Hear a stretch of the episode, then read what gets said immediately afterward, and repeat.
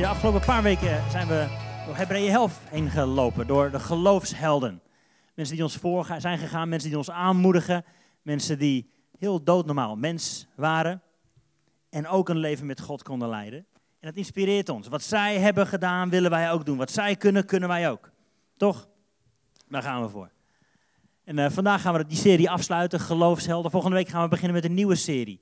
Dan gaan we aan de gang met Leven in Vrijheid. Leven in vrijheid. Vrijheid van angst, van schaamte, van schuld, van leugens, noem maar op. Leven in vrijheid. Dat is wat God voor ons in petto heeft. Dat is ook waar jij vandaag in kunt wandelen. Maar vandaag kijken we naar de twee laatste in deze serie. En dat wordt gedaan door David en Paul. We hebben vandaag een duo-preek. Jee, superleuk. Heel gaaf. Twee van onze tienerleiders, jeugdleiders. Gaaf dat jullie uh, vandaag wat willen delen. Dus uh, David, jij gaat beginnen. Have fun. Ik ben David, hallo. Welkom vanmorgen. En uh, ik wil je graag meenemen in het verhaal van Jozef. Uh, Jozef is een van die namen die aan bod komt in dat rijtje van Hebreeën 11. En um, nou, wat ik ga doen is jullie 10 minuten meenemen in een soort kennismaking met Jozef. Vervolgens ga ik hem vijf minuten inkoppen met hoe denk ik, of wat, wat lees ik hierin, wat voor mij elke dag relevant is. En dat ga ik dus de vijf, laatste vijf minuten doen. En uh, om je alvast een beetje je spanningsbogen te triggeren uh, en benieuwd te maken naar die laatste vijf minuten, ga ik één ding zien en dan mag je vast uh, heel kort over nadenken.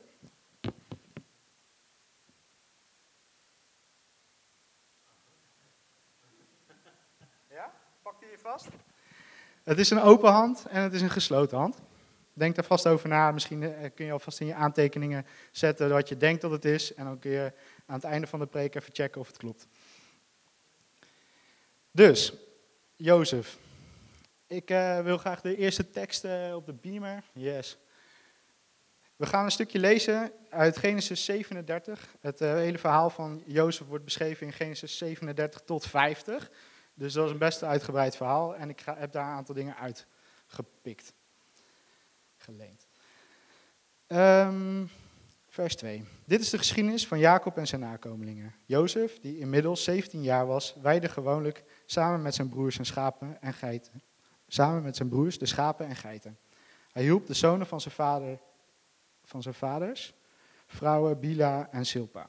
En alle praatjes die over zijn broers de ronde deden, vertelde hij aan hun vader door. Ik hoor het al, snitcher inderdaad.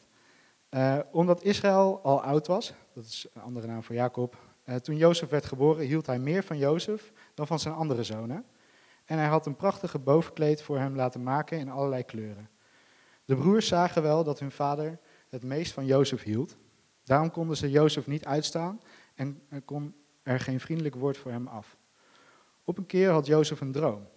Toen hij die aan zijn broers vertelde, kregen ze een nog grotere hekel aan hem. Moet je nu eens horen wat ik heb gedroomd, zei hij. We waren op het land schoven aan het binden en toen kwam mijn schoof overeind en bleef rechtop staan. En jullie schoven gingen om die van mij heen staan en bogen daarvoor. Zijn broeders zeiden, dacht je soms koning over ons te worden? Wil je over ons heersen? Vanwege dat gepraat over zijn dromen gingen ze hem hoe langer hoe meer haten. Eerste kennismaking met Jozef. Nou, er werd al iets genoemd, snitcher. Um, maar om even een plaatje te schetsen, is het wel belangrijk om te weten wie, wie zijn dan zijn vader en zijn broers. Nou, Jacob kennen we van Esau. Jacob en Esau. Uh, dat was geen leuke uh, vriendschappelijke broederliefde. uh, want Jacob kreeg de belofte, terwijl Esau de oudste broer was. Cultuursgebonden is dat echt een no-go. En uh, dat heeft dus ook altijd op Jacobs schouders gedrukt, die belofte van God. Dat hij de zegen zou ontvangen. daar heeft hij volgens allemaal dingen voor gemanipuleerd om die zegen ook daadwerkelijk te krijgen. niet veel met God geleefd daarin. dus dat was Jacob. Um, Vervolgens um, lezen we een stukje over de broers van Jozef, uh, hier, hier voorafgaand. En dat, zijn, uh, dat is het verhaal over dat de, de, zus van hun, Dina, die wordt, um, daar wordt de liefde mee bedreven buiten het huwelijk. En dat wordt niet gewaardeerd door de broers. vervolgens wordt daar een soort verzoeningsoffer bedacht. Moet, moet het hele plaatsje Ziegem moet uh, besneden worden op oudere leeftijd. Nou, dat gaat rotten, etteren, noem het maar op. Um, dus heel veel zwakte. Vervolgens denken die broeders, we gaan onze wraak halen. Um, dat hebben ze zelf bedacht, niet met God overlegd. En zij moorden het hele plaatsje Sichem uit. Eh, dat zijn de broers van Jozef. Leuke broers heb je dan. Ehm, en wat je, wat je me al hoort zeggen, even tussen neus en lippen door, is dus, zij hebben die keuze niet met God bedacht. Dat hebben ze gewoon zelf gedaan uit een stukje ja, wrok, gevoel, ehm, eerbesef, eh, wat ze recht wilden zetten. En dan vervolgens ehm, eh, komt Jozef in het verhaal naar voren. En die vertelt dus over die lekkere broers die, die nou, eigenlijk veel dingen zonder God doen, door aan hun vader. Zet het al wat meer in perspectief voor mij. Uh, alsnog vertelt hij het door en is dat niet zo heel chill. maar eh, voor mij zet het wat meer in perspectief dat je begrijpt dat die broers dus niet altijd hele lekkere dingen doen. En dat hij daar vader van op de hoogte wil houden, omdat dat ook weer met eer te maken heeft in die familie. Dat wat die zoons doen, heeft invloed op de eer van vader. Jozef, mag ik dan het eerste plaatje, krijgt een mooi gewaad. En um, dat doet iets met hem. Een stukje zelfverzekerdheid. Hij heeft ook door dat papa meer van hem houdt. Uh, dat maakt hem confident, uh, zelfverzekerd. En dus op het moment dat God met hem een, een soort droom deelt, uh, vanuit dat soort overmatige zelfvertrouwen, zou je het even kunnen noemen, gaat hij daarover opscheppen naar zijn broers toe. Nou, zijn broers mochten hem al niet zo. Dus dit, dit schoot helemaal in het verkeerde keelgat. En uh, vervolgens krijgt hij nog een droom die, eigenlijk, uh, die hij ook weer deelt met zijn broers. Uh, die hetzelfde bevestigt. Dat hij boven hen zou staan en zij onder hem. De eerste vraag die ik bij je wil droppen. Hoe reageer je als iemand anders een droom krijgt?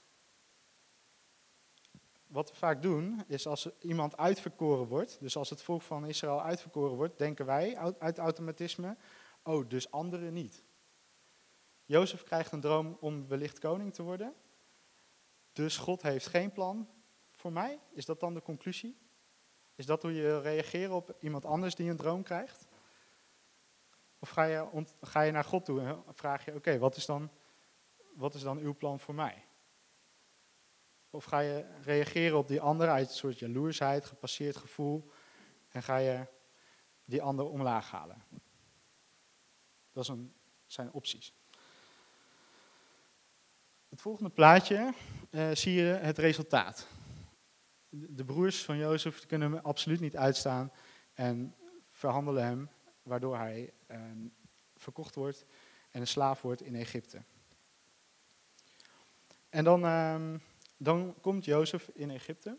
En trouwens, zijn bovenkleed wordt hier afgepikt. Zijn, hetgene wat hem zelfverzekerdheid misschien wel extra geboost heeft, wordt hier afgepakt. En hij wordt als een slaaf, naakt, wordt hier afgebeeld, of halfnaakt, uh, wordt hij verkocht. Dus zijn bovenkleed wordt hem ontnomen. En uh, dat lezen we ook op het moment dat we verder gaan naar uh, Jozef hij komt namelijk in het huis van Potifar, een uh, Egyptische man. En dan lezen we het volgende stuk. En dat is uh, Genesis 39 van 3 tot vers 12.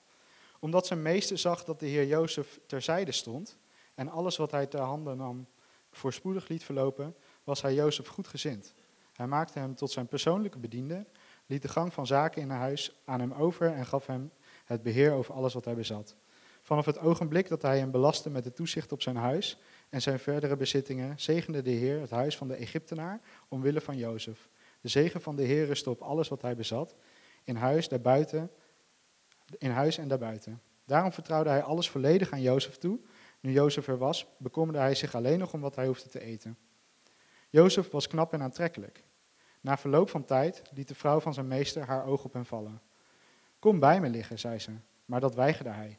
Sinds ik hier ben, zei hij, maakt mijn meester zich geen zorgen meer over wat dan ook hier in huis. En hij heeft mij het beheer gegeven over al zijn bezittingen. Ik heb hier evenveel gezag als hij en hij heeft me niets onthouden behalve u, omdat u zijn vrouw bent. Hoe zou ik dan zo'n grote wandaad kunnen begaan en, en zo kunnen zondigen tegen God? Dag in dag uit probeerde ze Jozef over te halen, maar hij gaf niet toe. Hij wilde niet bij haar gaan liggen. Maar op een zekere dag, toen hij binnentrekken inkwam om zijn werk te doen en daar niemand anders van de bediende was, greep ze hem bij zijn kleed. Kom bij me liggen, drong ze aan, maar hij vluchtte naar buiten. Zijn kleed liet hij bij haar achter. Opnieuw krijgt Jozef een kleed en wordt opnieuw van hem afgenomen. Dit is iets wat iedere keer teruggekeerd in, in het leven van Jozef is. Hij is zelfverzekerd, hij heeft uh, een plek verdiend als slaaf bij uh, Potifar. Hij, hij, voelt zich op zijn gemak.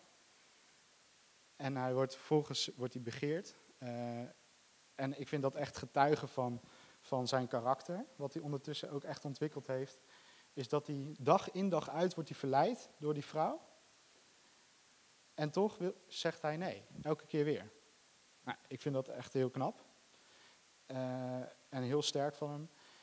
Alleen op, op het moment dat hij even off guard is of uh, geen getuigen om zich heen heeft om, om zich te, beschermen, pakt die vrouw haar kans. En ze, ze benadert hem opnieuw en dwingt hem eigenlijk uh, om met haar naar bed te gaan. En hij wil dat zo erg niet. Het is dus makkelijker om gewoon mee te gaan en te denken, ja joh, hè, ze wil het zo graag. Geen verzet is makkelijker soms dan verzet. Maar hij kiest ervoor om zich te verzetten. En hij, opnieuw wordt zijn kleed afge, uh, afgenomen. En hij belandt in de gevangenis. Omdat uh, de vrouw hem uh, verlinkt bij, op een listige manier. En zijn baas Potifar wordt boos en gooit hem in de gevangenis. Hij wordt zo fundamenteel, wordt hij eigenlijk afgebroken in zijn, in, in zijn zijn. Hij doet eigenlijk niks verkeerd. En vervolgens komt hij in de gevangenis terecht. En wat ik heel bijzonder vind om te lezen ook in dit stuk, is dat God is goed voor Jozef. Hij laat, laat alles wat hij doet tot zegen zijn. Dus zelfs ook al is hij verkocht, zou je denken best wel rampzalig scenario. Um, ondanks dat is God hem tot zegen in die omstandigheid. En heeft hij het beste met hem voor. En waaruit denk ik eh, het mooiste, uh, de verandering van Jozef karakter te zien is, van uh, nou, het opscheppende tegenover zijn ouders en tegenover zijn broers, um, naar een hele nederige houding is, als je de volgende twee teksten naast elkaar. Um, ja, oh ja, dit is de eerste. We hebben een droom gehad, antwoordden ze, maar er is hier niemand die hem kan uitleggen. Jozef zei, de uitleg van dromen is toch een zaak van God? Vertelt u mij die dromen eens. Staat in Genesis 40, vers 8. Um, is, als hij in de gevangenis zit, komen de, uh, de bakker en de wijndrager en uh, ze hebben een nare droom, een onrustige droom. En uh, normaal, blijkbaar is het voor hun normaal dat de dromen uitgelegd kunnen worden, maar er is niemand die dat kan. En Jozef zegt niet, oh, maar dat kan ik, want ik heb ook dromen gehad. Hij zegt, hé, hey, het uitleggen van dromen is toch aan God?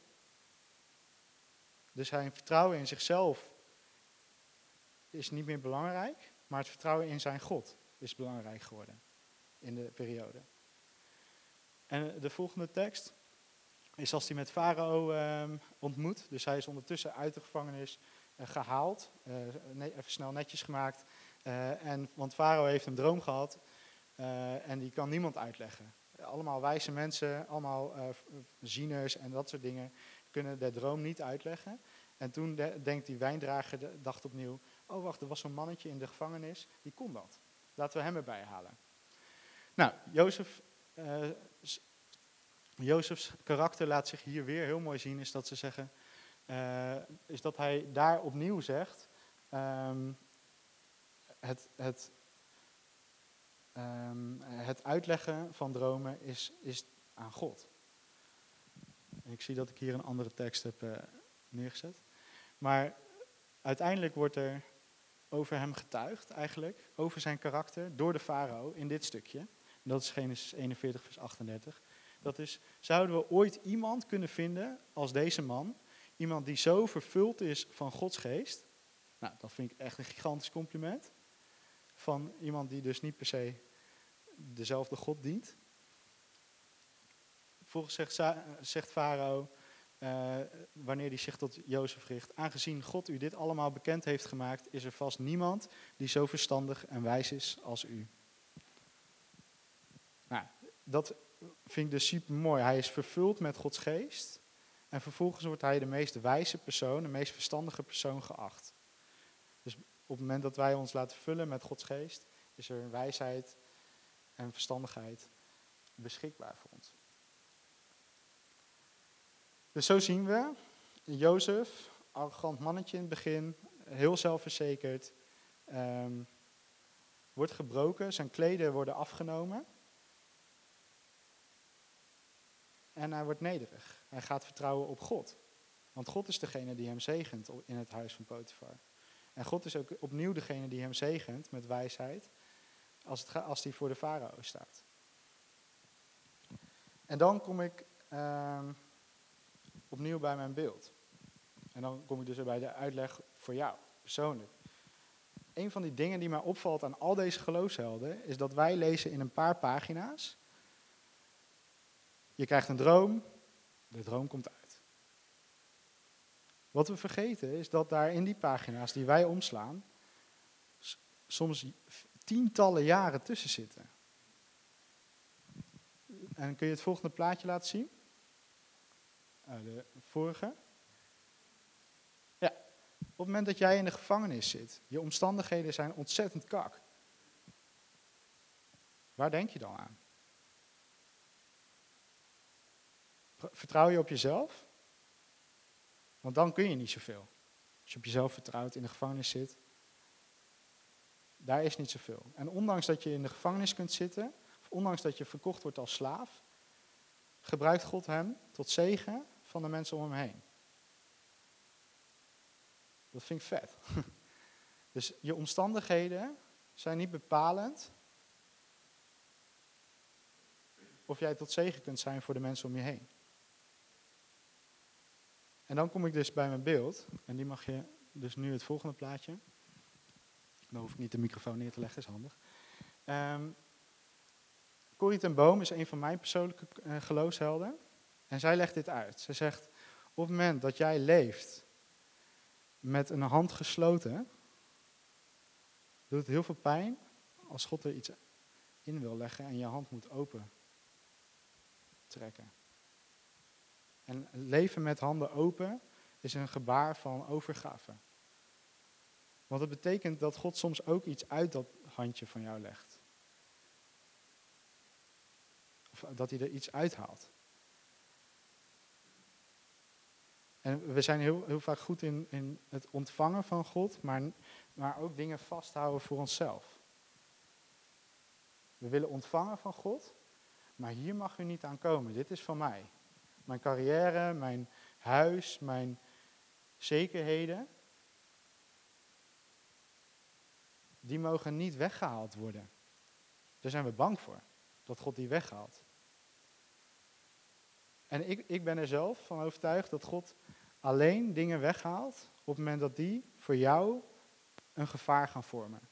Dus als we even kijken naar het verhaal van Jozef, dan was het ontvangen van deze droom wellicht een gevaar voor zijn hart. Want arrogantie lag op de loer. Hij, hij ging beter over zichzelf denken. Hij dacht beter, dat hij beter was dan zijn broers. En in spreuken staat, uh, waak boven alles over uw hart. Want dat is de bron van uw leven. Dus op het moment dat jouw hart corrupt kan worden, doordat je wellicht arrogant wordt, laten we even bij dat voorbeeld blijven. Er zijn heel veel verschillende vormen waardoor je hart corrupt kan worden. Maar als dat op de loer ligt, dan gaat God iets wat dat veroorzaakt eruit halen, denk ik. En niet omdat hij jou iets wil ontnemen, maar omdat hij wil voorkomen dat je hart corrupt wordt. Omdat hij dat veel belangrijker vindt. Veel belangrijker dan bijvoorbeeld de baan die je nu hebt. Want God zorgt uiteindelijk voor, voor Jozef, dat zien we. En kun je dan stellen dat Jozef verkocht is als slaaf vanwege Gods plan? Heeft God dat dan actief gedaan? Ik denk dat God ook andere plannen had daarvoor. Toen hij die droom gaf, was niet per se, oh ja, Jozef gaat hierover opscheppen, uh, vervolgens worden zijn broers boos uh, en gaan ze hem verkopen. Op die manier komt hij in Egypte. Ik denk niet dat dat Gods plan was, per se. God heeft daar wel op gereageerd en het ten goede gebracht. En heeft uiteindelijk in die periode ook kunnen werken aan zijn hart. Maar dat is niet het doel geweest. Ik denk dat als hij dicht bij, bij God had gebleven met zijn droom, dat God andere manieren had bedacht. Omdat God een creatief God is en een almachtig God. En dan had hij een andere manier gevonden om Jozef als koning van Egypte te maken. Denk ik. Mag je het niet mee eens zijn. Maar dit is mijn op, op, op optiek over het leven in overgave. Durf jij te leven met open handen, zodat God er dingen in kan leggen en er dingen uit kan halen op het moment dat die jou dreigen te beschadigen.